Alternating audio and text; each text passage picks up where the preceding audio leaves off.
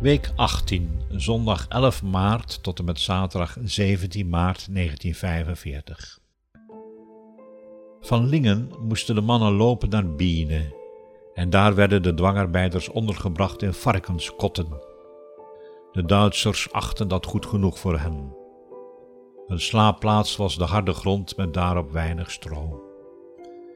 Het duurde niet lang of ze zaten onder de luizen.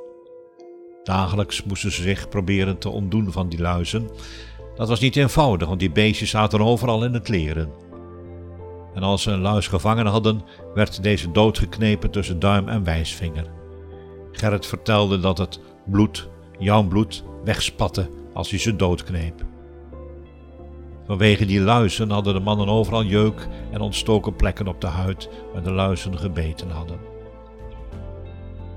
Gerrit had een foto mee kunnen nemen vanuit het barakkenkamp in de Noordoostpolder van zijn vriendin Tini. Het was naar alle waarschijnlijkheid een schoolfoto die op de Mulo gemaakt was. Hij had geen papier bij zich, maar wel een stompje potlood. Ja, een timmerman had altijd een potlood op zak. Op de achterkant van de foto schreef hij in korte zinnen op wat hij meemaakte. De foto van Tini was hem dierbaar en keek er regelmatig naar. Het was voor hem een kostbare schat.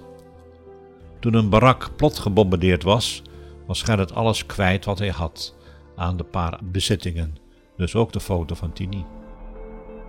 Op vliegveld Rheine bij Gronau moest Gerrit niet ontplofte bommen ruimen. Een zeer gevaarlijk werk. Duitse vliegvelden werden met grote regelmaat door de geallieerden gebombardeerd. Het waren dus bommen van de geallieerden die de mannen moesten ruimen.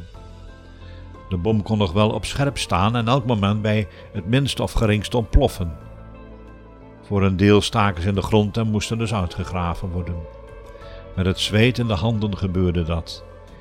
Niet alleen vanwege de bommen was het een gevaarlijk karwei, maar ook vanwege de beschietingen door vliegtuigen. Een jachtvliegtuig van de geallieerden kon hen zomaar aanvallen.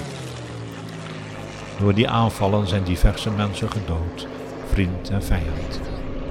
Als een aanval kwam van een Spitfire, konden de dwangarbeiders nergens heen. Er was geen beschutting en de schuilkelder was voor hen niet toegankelijk. Plat op de buik liggen met je gezicht diep in de aarde gegraven, wachtte je tot het voorbij was of dat je dood was. Bij dit werk, zei Gerrit later, zijn veel doden gevallen. Als ik het achteraf nog eens overdenk, besef ik dat ik wonderlijk gespaard ben gebleven. Vind je het gek dat Gerrit na de oorlog, toen hij weer thuis was en vlak daarna met zijn vriendin Tini in Amsterdam liep en bij het horen van een vliegtuig naar de grond dook en plat op zijn buik ging liggen?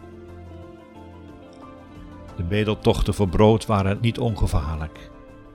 De bewakers konden straffen als ze het ontdekten en ook de Duitse boeren uit de omgeving konden je zo aangeven. Maar ja, de honger knaagde en er moest zwaar werk verricht worden. Het risico werd dan maar genomen.